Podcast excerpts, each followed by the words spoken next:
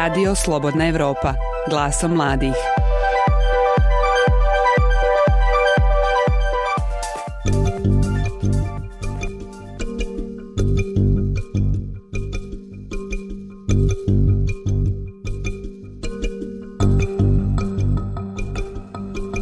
Prvi korak je napravljen. Prije nešto više od mjesec dana Bosna i Hercegovina je sa Europskim vijećem za nuklearna istraživanja ili skraćeno CERN potpisala sporazum u međunarodnoj saradnji.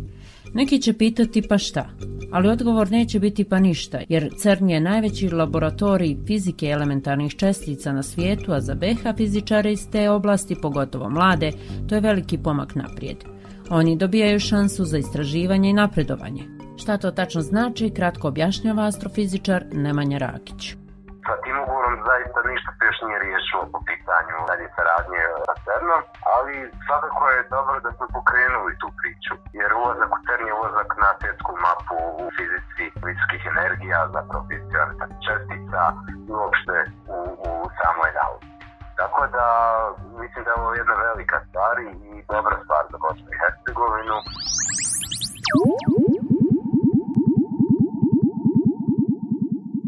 Malo ćemo o ličnoj karti CERNA. Evropsko vijeće za nuklearno istraživanje smješteno je pod zemljom, između Francuske i Švajcarske, dok je sjedište u Seocetu kod Ženeve. Napravljeno je prije 67 godina.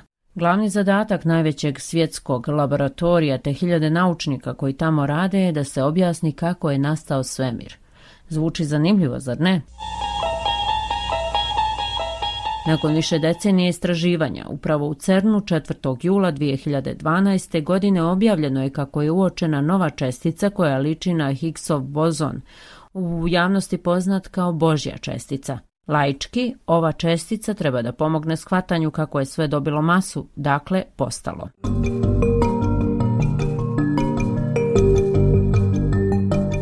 Godinu kasnije Britanac Peter Higgs i Belgijanac François Engler zbog tog otkrića dobili su Nobelovu nagradu za fiziku. CERN je jedan od najskupljih, najsloženijih i najuspješnijih naučnih eksperimenata ikad. Kada govori o CERNu svojim učenicima, srednjoškolski profesor Arnad Glamočić ističe otkriće bez kojeg danas ne znamo živjeti nema se puno šta objašnjavati. Sama riječ da je internet nastao u CERNu dovoljno govori koji je to doprinos pružen ka čovečanstvu. CERN čini velika mreža tunela izgrađenih ispod švajcarsko-francuske granice. Subatomske česticu putuju kroz njih gotovo brzinom svjetlosti i sudaraju se jedna sa drugom, omogućavajući naučnicima da proučavaju strukturu našeg fizičkog svijeta. Mladi naučnik Čenan Kovačić za CERN kaže da je krem de la krem fizike i nauke uopšte da CERN je, mislim, trenutni vrhunac fizike, definitivno je vrhunac nauke, taj sudarač čestica, takozvani um, taj Hadron Collider, je najveća mašina na svijetu, gdje se otkriva sve od Higgsovog bozona, takozvane Božije čestice, do različitih nekih aspekata o tome kako je naš univerzum nastao, gdje ide, a usto jednako se radi na modernim, dakle, savremenim i racionalnim i zelenim pristupima ka energiji. Najvažniji izvozni proizvod crna su mladi stručnjaci koji su prošli kroz programe usavršavanja. Srbija i Hrvatska su već članice CERNA, dok je Bosna i Hercegovina za sada daleko od članstva. Neke od uslova objašnjava profesor Mirza Hadži Mehmedović. Treba Bosna i Hercegovina da uplati na godišnjem nivou oko milion maraka. U globalu za državu milion maraka je skoro pa ništa, ali ako pogledajte da je to više nego što se odvaja za nauku uopšte na nivou Bosne i Hercegovine, onda će neko reći pa zašto bi odvajali milion samo za tu jednu oblast fizike. I nakon kratkog upoznavanja sa CERNom ostanite sa nama, jer sa ovim mladim naučnicima ćemo i dalje razgovarati u novom izdanju podcasta Glaso mladih. Čućete još o novim zanimljivim profesijama te o tome kako se može popularizirati nauka sa i bez društvenih mreža. Sa vama su Sara Velaga i Aida Đugum. Da krenemo od prvog BH fizičara koji radi u CERNu. Zove se Admir Greljo, koji je preko Prirodno-matematičkog fakulteta u Sarajevu, doktorskih studija u Ljubljani te postdiplomskog usavršavanja u Cirihu i Maincu, postao profesor teorije fizike na Univerzitetu u Bernu i istraživač u CERNu. To iskustvo na CERNu je bilo izuzetno važno za moju karijeru. Bilo jedno od nekoliko najvažnijih stvari koje su odigrale značajnu ulogu da dobijemo ovu poziciju u Bernu kao profesor na univerzitetu. Najvažnije što CERN može ponuditi jeste upravo to iskustvo rad sa, s najboljim stručnjacima, učenje, napredovanje u određenoj oblasti koje onda otvara vrata za druge pozicije. I to je izuzetna prilika za mlade u Bosni i Hercegovini. I vrlo jedinstveno iskustvo, dakle dolaze najbolji fizičari iz svih krajeva svijeta, tu borave kroz diskusiju, kroz, čisto kroz posmatranje kako pristupaju problemu, način na koji rade, pristup informacijama, uvijek ste prvi, uvijek imate prvi informaciju, iz eksperimenta. Ja, ja bih upredio recimo kao igranje nogometa u nekom naj, najboljem klubu. Kao osoba iznutra on zna šta znači raditi i učiti u crnu i šta Bosna i Hercegovina treba uraditi da postane punopravna članica. Sam bio na dvogodišnjem fellowship, to je pozicija na CERNu koja se dodjeljuje za državljane iz zemalja nečlanica. I iz tog razloga bilo je izuzetno kompetitivno uopće do, do, dobiti poziciju. Tako da prva stvar koja donekle olakšava ovim sporazumom koji je potpisan je upravo to da će mladi naučnici koji su državljani Bosne i Hercegovine imati jednostavni i lakši pristup da dođu do pozicije za posao na CERN. Uspostavljena je prva saradnja, to je dakle taj prvi memorandum koji CERN uspostavlja sa, s novim zemljama. Do članstva ima još uh, jako dugo, ja bih rekao. Dakle, postoje dvije, dvije stepence prva je uh, pridruženi član, posle toga ide stalni član. Tako da mi, mi još uvijek nismo krenuli ni, ni sa tim dijelom pridruženi član. Članstvo podrazumijeva naravno i, što će vjerojatno biti najveći problem, podrazumijeva i određena sredstva koja Bosna Hercegovina treba da uloži u istraživanja u CEP određeni dio budžeta, koji nije, nije velik, to je otprilike neki 10 na minus 6 budžeta bi Bosna i trebala da izdvaja prema CERNu kako bi imala to punopravno članstvo u konačnici. Slušate podcast Glaso mladih. Prethodne epizode pronađite na slobodnaevropa.org ili na Google i Apple podcast aplikacijama. Dženan Kovačić, naučnik inovator, sa oduševljenjem je dočekao vijest o sporazumu BiH sa CERNom. On smatra da se u bosansko-hercegovačkoj javnosti malo znao o najvećem laboratoriju na svijetu. O Dženanu i njegovom uspjehu dovoljno je reći da je njegova autorska ideja o novom načinu liječenja tuberkuloze pobjedila na prvom takmičenju BH inovatora. Sa istom je predstavljao Bosnu i Hercegovinu među Nobelovcima u Berlinu. Dakle, da, sama činjenica da je, da je Bosna i Hercegovina uspjela da, da potpiše jedan sporazum o saradnji sa CERNu je nešto što ako malo je prošlo kao ispod radara ljudi, iako jeste objavljeno na eh, svim ako relevantnim portalima, outletima medijskim. I barem sam ja primijetio da ljudi veoma malo znaju o tome šta je CERN, šta se radi u CERNu. Imate recimo ocijeke ne, za teoretsku fiziku ili za primjenju fiziku ili e, različite grane nauke koje mogu da imaju benefite od CERNa, od um, nuklearne fizike do kvantne mehanike i tako dalje. Ovaj, sama činjenica da Bosna i Hercegovina koja ima samo jednog znanstvenika a, trenutno, dakle, u CERNu, to je a, a, dr. Admir Grijeljo, um, je nešto nevjerovatno obzirom na to da e, koliko ova država ima kvalitetnog e, akademskog kadra u smislu koliko ima obrazovanih ljudi, ljudi koji su spremni i vape za prilikama, posebno iz ovih polja koji su e, prirodno-matematički. Dakle, mogućnost da se radi na CERNu, pa makar neki internship, dakle neko stažiranje, neka kolaboracija znanstvena, mogućnost tamo čak otići je privilegija zaista to je svjetionik koji je zapravo vodilja Dakle, imate NASU, što je za astrofizičare, apsolutni vrh, imate CERN koji je apsolutna krem de la krem a, fizike generalno, ne samo e, tih fizikalnih nauka, nego generalnih prirodnih nauka.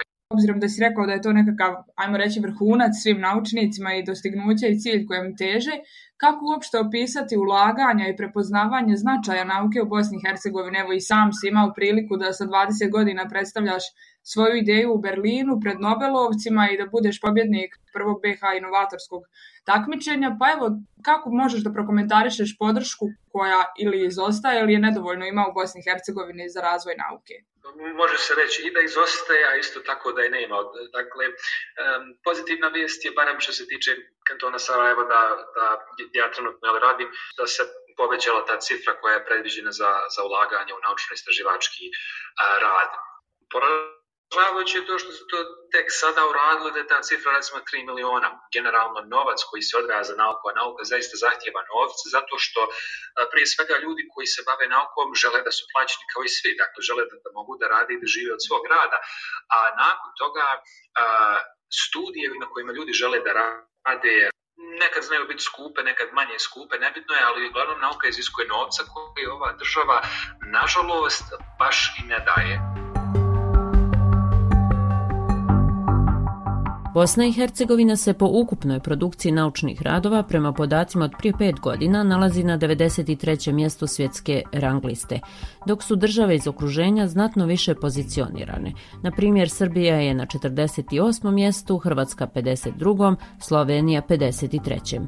Istina je da se BiH nalazi na dnu evropske ljestvice po ulaganjima u nauku – Svijet se u tehnološkom smislu razvija nevjerovatnom brzinom, samo zato što je uloga nauke značajna, dok država BiH za istraživanja i razvoj izdvaja 0,2% godišnjeg BDP-a.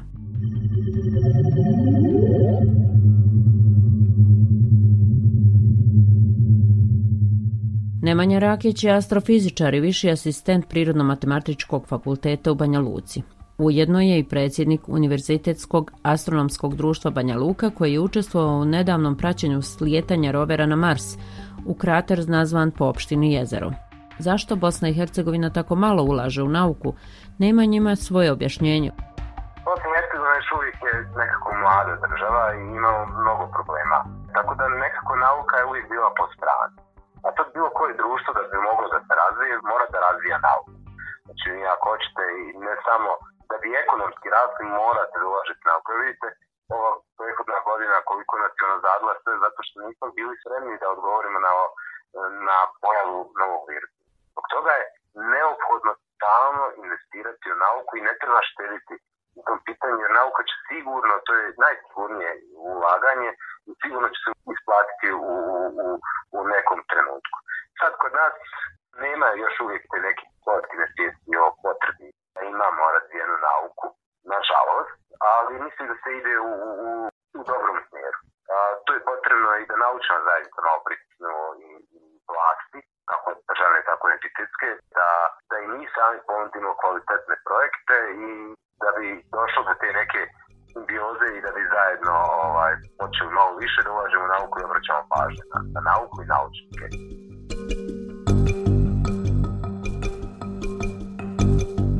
kada su tako stvari postavljene, pitanje je da li će onda BiH dati novac da bi postala članica CERNA. Sumnjičav je zbog toga profesor Prirodno-matematičkog fakulteta u Tuzli Mirza Hadži Mehmedović. E, ono što sam ja razgovarao sa kolegom koji je malo računao te podatke jeste otprilike da treba Bosna i Hercegovina da uplati na godišnjem nivou oko milion maraka. Dakle, e, vi kad pogledate u globalu za državu milion maraka je skoro pa ništa, ali ako pogledajte da je to više nego što bi se odvaja za nauku uopšte na nivou Bosne i Hercegovine, onda će neko reći pa zašto bi odvajali milion samo za tu jednu oblast fizike. Realno gledajući, vi nemate u Bosni i Hercegovini ni puno naučnika koji se bave fizikom elementarne čestice. A saradnja je uspostavljena, jer je jedna od aktivnosti koja je rezultirala potpisivanjem sporazuma između BiH i CERNA bila projekat Science and Art, koji vodi upravo profesor Hadži Mehmedović.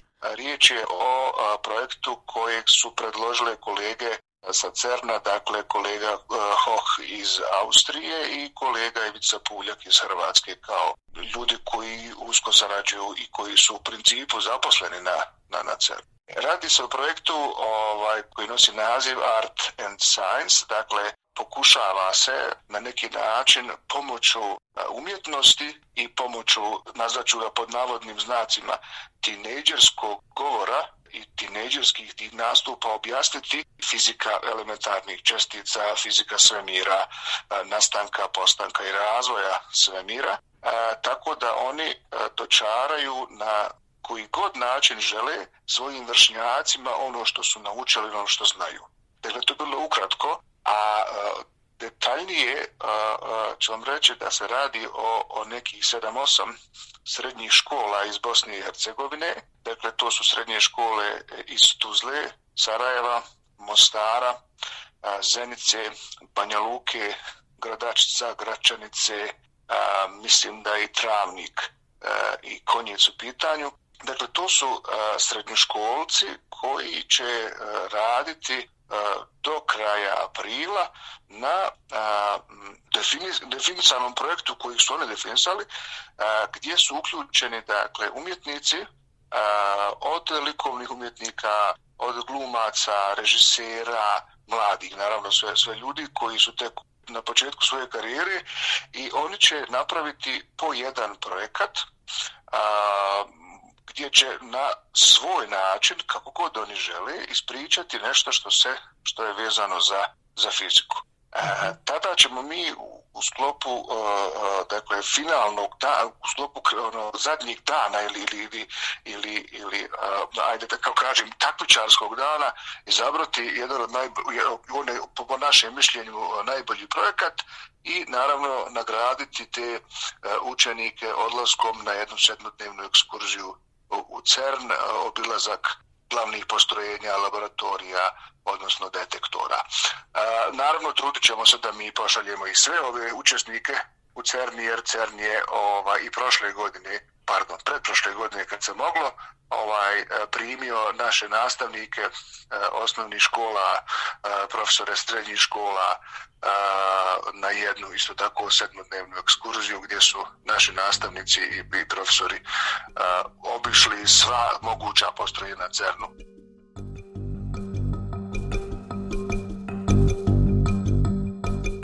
PH profesori posjetili su prije tačno godinu dana CERN, mjesto gdje nauka susreće tajne svemira.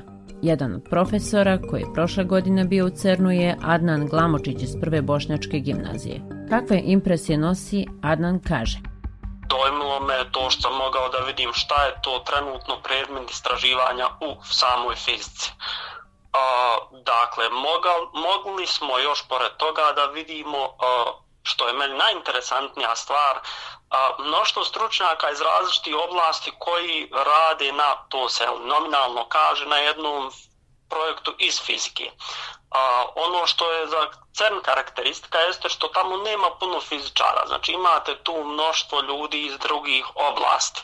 A, I fino je dakle to recimo djeci prenijeti da kad se spominje fizika da je to interakcija sa drugim ljudima, sa drugim oblastima, s drugim, s drugim strukama i tako dalje. A, ono što je svakako za CERN bilo lijepo a, jeste da sva moderna tehnologija ili dođe u CERN ili sam CERN razvija tu tehnologiju pa je jel, pušta u komercijalnu upotrebu sa, sa ostatkom svijeta. Senad Isaković, asistent na ocijeku za fiziku Prirodno-matematičkog fakulteta Univerziteta u Sarajevu, bio je vođa puta. To je njegova druga posjeta CERNu prvi put kada sam bio, bio sam dakle u svojstvu studenta. Naime, CERN organizuje Summer Student program takozvani za studente koji dolaze iz cijelog svijeta i između ostalih tu su bili i studenti iz Bosne i Hercegovine. Moram priznati da sam te godine jedini ja iz Bosne i Hercegovine bio na tom programu. Uglavnom to je jedan prestižan program, mogu slobodno tako da kažem, na kome studenti koji dolaze dakle, iz raznih dijelova svijeta se mogu upoznavati, e, mogu pratiti predavanja i konferencije dakle, stručnjaka iz raznih oblasti koji dolaze tamo e, upravo zbog tih samih studenta. Ja sam recimo konkretno bio u jednoj komputacijalnoj grupi koja je e, pravila software u stvari za veliki hadmanski sudarivač to jest upravo u, u tom periodu hadronski su drvač čestica, dakle akcelerator je bio e, isključen i mi smo radili softver koji će unaprijediti rad e, tog akceleratora. jer su tokom tog isključenja akceleratora se instaliraju neke nove komponente i onda te nove komponente bilo potrebno softverski povezati sa, sa ovaj, komandnom sobom i toliko da se mogu sve kontrolno komponentno vršiti ovaj, uh, remote, dakle iz daljine. Uglavnom, želim da kažem da je to bio precižan program na kojem sam zaista mnogo, mnogo naučio. Bilo je zaista fenomenalno rad, tamo jer sam imao priliku da bukvalno da vodim život jednog naučnika istraživača tih dva i pol mjeseca koliko sam probao tamo na CERN. Što nemate priliku ovdje baš? Razlog zato je što je ovaj asistent na, na prirodnom atomskom fakultetu.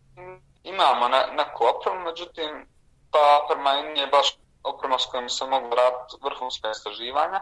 Mi možemo dakle raditi određeni broj istraživanja s opremom koju posjedimo, međutim, ako želimo napisati neko vrhunske naučne rade ili raditi neko vrhunsko istraživanje, onda moramo uvijek to raditi uh, u kolaboraciji sa nekim drugim institutima ili fakultetima, što je, što je u redu, ali jednostavno voljeli mi da imamo ovdje na fakultetu neku opremu, ja ću reći kapitalno, s kojom bi se mogli sami bez, bez bilo koje kolaboracije uraditi neka dovoljno dobra istraživanja, a sam toga i, i naši studenti su mogli naučiti kako se radi na određenim, na određenoj aparaturi. To je ono, recimo, što je meni smetalo dok sam bio student ovdje. E, moram priznat, iako sam bio na eksperimentalnom smjeru, dakle, eksperimentalni smjer fizike, nisam imao baš priliku da ponajavim eksperimente.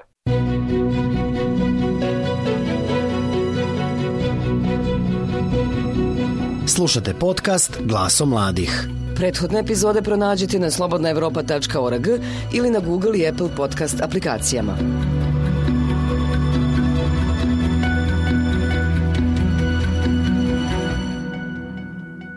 Da li je mladima privlačna nauka, a ličnosti poput Einsteina i Nikola Tesle uzori, nasuprot muzičkim ili sportskim zvijezdama, na prvu bismo rekli da nije.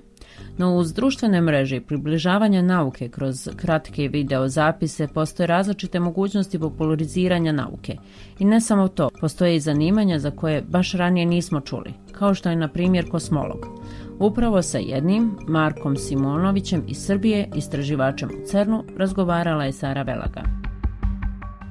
Pokušamo približiti dakle, našim prosječnim e, slušalcima šta je zapravo zanimanje jednog kosmologa, odnosno čime se konkretno vi bavite i kako ste vi došli do CERN-a? Kosmologija je nauka o čitavom svemiru, dakle bavi se zapravo pitanjima e, kao što su kako je kako je nastao svemir, e, kako je evoluirao i koje su osnovne komponente, jel, od čega se svemir zapravo sastoji. I dakle, tu ideja nije da se, e, da se proučavaju pojedinačni objekti kao što su recimo zvezde ili galaksije ili planete, time se bavi astrofizika i astronomija. I zapravo svemir kao jedna celina i ono što je vrlo interesantno je da zapravo, eh, bez obzira što, se, što to kažem na taj način, to deluje da zapravo su pitanja vezana za nekakve veoma velike rastojanje, veoma, kako mi kažemo, velike skale. U suštini, kosmologija je eh, veoma tesno povezana sa fizikom čestica. I to je zbog toga što mi danas znamo da u veoma ranim fazama svemira, dakle svemir je bio jako gust, bio jako velikim energijama i zapravo bio u istom stanju koje imamo recimo u CERNu kada um, u akceleratoru zapravo sudaramo protone jako velikim energijama. Dakle, ta veza između kosmologije i nečega što se dešava na jako velikim skalama, na jako velikim rastojanjima i fizike čestice, ono što zapravo povezuje kosmologiju i, i CERN na neki način, zato sam ja, zato sam ja tamo. Obzirom da možemo sada da poredimo državu iz koje dolazite, Srbiju i Bosnu i Hercegovinu, Bosna i Hercegovina je dakle tek na putu potpisivanja sporazuma i pristupanja CERN-u, a evo Srbija je, kao što ste i sami rekli, već godinu i pol. Možete li nam nekako približiti šta konkretno je to donijelo Srbiji i u čemu je značaj toga što je članica CERN-a? Pa da, ja mislim da za, za, za sve te naše zemlje u regionu je to ja, verovatno jedan značajan korak, zato što um, Mislim, vjerojatno znate da je Jugoslavija yes. bila jedna zemlja osnivača CERN-a, međutim, posle par godina zbog finanske razloga istupila. Sad uh, i Hrvatska i, i Slovenija su pridružene članice trenutno, Bosna je potpisala sporazum. Mislim da to, da to uh, prosto donosi da našim zemljama jednu mogućnost da povezivanja sa naučnom zajednicom u Evropi pre svega, naročito u tom domenu teorijske fizike i fizike visokih energija. I um, tu postoje različiti aspekti tih sporazuma, nisu svi ti sporazumi isti. Ponekad postoji tehno, razmjena tehnologije, ponekad uh, su ti, te stvari čak i ekonomske prirode, u smislu da kompanije, recimo iz države kojima sporazum sa cenom mogu da konkurišu razne poslove, izgradnje acceleratora i tako dalje. Ali ja mislim da ono što je najbitnije je to da, da zajednica, da naučna zajednica u Bosni i Hercegovini prosto ima još jedan sad kanal koji može da e, zapravo e, budu u kontaktu sa ljudima u Evropi i, i to je bitno i za ljude koji rade u Bosni i za uh, prosto ljudi iz Evrope da prosto vide kakva je zajednica, uh, recimo, ne znam, u Sarajevo ili na Luci i tako dalje. I da se kroz to po saradnju zapravo stvore nekakve veze, da ljudi koji, um, koji imaju želju da se bave fizikom čestica, koji možda to ne bi mogli uh, ako bi bili izolovani, sad imamo još jednu mogućnost da prosto odu u CERN, uh, postoji program za nastavnike u CERN, tako da će mnogi ljudi dođu da prisutuju tim predavanjima, postoji ta naučna saradnja, postoji razmer naučnika i tako dalje. To su sve pozitivni aspekti tih uloga. Jasno. Evo, obzirom da ste pomenuli sve te pozitivne aspekte preključivanja CERN-u i saradnje i mogućnosti koje se otvaraju za naučnike, možete li malo evo, pobliže pojasniti kakav je položaj naučnika u Srbiji, obzirom da evo nezavidan je u Bosni i Hercegovini, nedovoljna su pa gotovo i nikakva ulaganja u nauku i naučna istraživanja. Mislite li da evo naučnici imaju dovoljno poticaja sistemskog i da li se prepoznaje uopšte njihov značaj i doprinos državi, a kasnije i svijetu? Ja mislim da to, to vrlo slično i u Bosni i u Srbiji i uopšte u svim zemljama regiona, mislim da nauka kod nas nije. To je mislim jasno svima. Da. To je ovaj, zadnjena stvar da nije dovoljno finansirano, da ljudi i društvo uopšte, ne samo vlada, na primjer, čitavo društvo ne prepoznaje zaista značaj nauke i koliko je zapravo nauka važna za bez obzira na to što ponekad se čini da nema, recimo, načito, ako pričamo recimo o fizici čestice, da nema nekakve, nekakve praktične primjene, da ne, ne možda reći nekakve konkretne probleme koje ljudi imaju ili koje društvo ima u svakodnevnom životu, ali nauka je zaista jako važna i, i zapravo empirijski je očigledno da sve one zemlje koje puno ulažu u nauku, čak i u fundamentalne istraživanje, su najrazvijenije zemlje, tako da taj značaj nauke nije prepoznat i u Srbiji, i u Bosni, čini mi se koliko ja znam, i e, sva ta ulaganja su vrlo oskudna, mi imamo nekakvu naučnu zajednicu koja se snalazi i sa tim minimalnim resursima, ja mislim, radi relativno dobro, ali to je mnogo manje u odnosu na, na to što je nekakav evropski prosjek i što bi trebalo da bude slučaj uh, u odnosu na neke razvijene zemlje. Pa evo, slična situacija, kad ste već pomenuli oko ulaganja i, i svega u Srbiji i Bosni i Hercegovini, nekako za naučnike obično čujemo kada već postignu svjetski uspjeh. Mislite li da je to možda čak malo i licemjerno što ne ulažemo na vrijeme u njih, a onda se kasnije evo dičimo uspjesima poput vaših u Srbiji ili nekih drugih naučnika u Bosni i Hercegovini?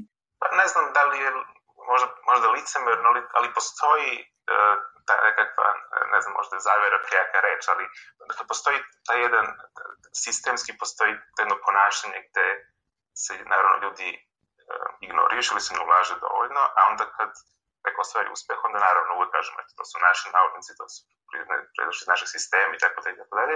I mislim da to odgovara medijima, odgovara ljudima da čuju da eto i mi smo u nečemu dobri, da imamo mi nekakve zasluge i tako dalje odgovara naravno i, i ne znam, vladi da kažete mi imamo ono sjajne naučnike. I mislim da postoji taj nekakva um, taj nekakav interes svih da u toj priči prepoznaju nešto pozitivno, lepo, dobro ili korisno. I zbog toga postoji taj, taj, taj, takav neki odnos, ali suštinski ja mislim da je uvek važno reći da ukoliko neko, neko recimo odu u inostranstvo i ostvari uspeh, da taj uspeh bez obzira na zemlju porekla, zapravo proizvod nekakvog drugog sistema, a ne recimo sistema hm. one zemlje s koje je naučnik došao. Mislim da je to uvijek bitno da ljudi imaju u vidu, zato što je inače se stvara nekakva lažna slika da zapravo naš obrazovni sistem je sjajan.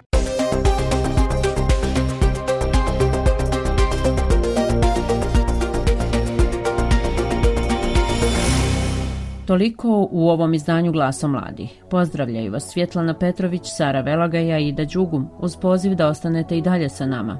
Ukoliko ste propustili prethodne epizode našeg podcasta, možete ih pronaći na našem sajtu ili na podcast aplikacijama. Naše druge sadržaje također možete pronaći na slobodnaevropa.org, na društvenim mrežama Facebooku, Twitteru, Instagramu i YouTubeu. Sa vama smo i naredne sedmice. Do slušanja.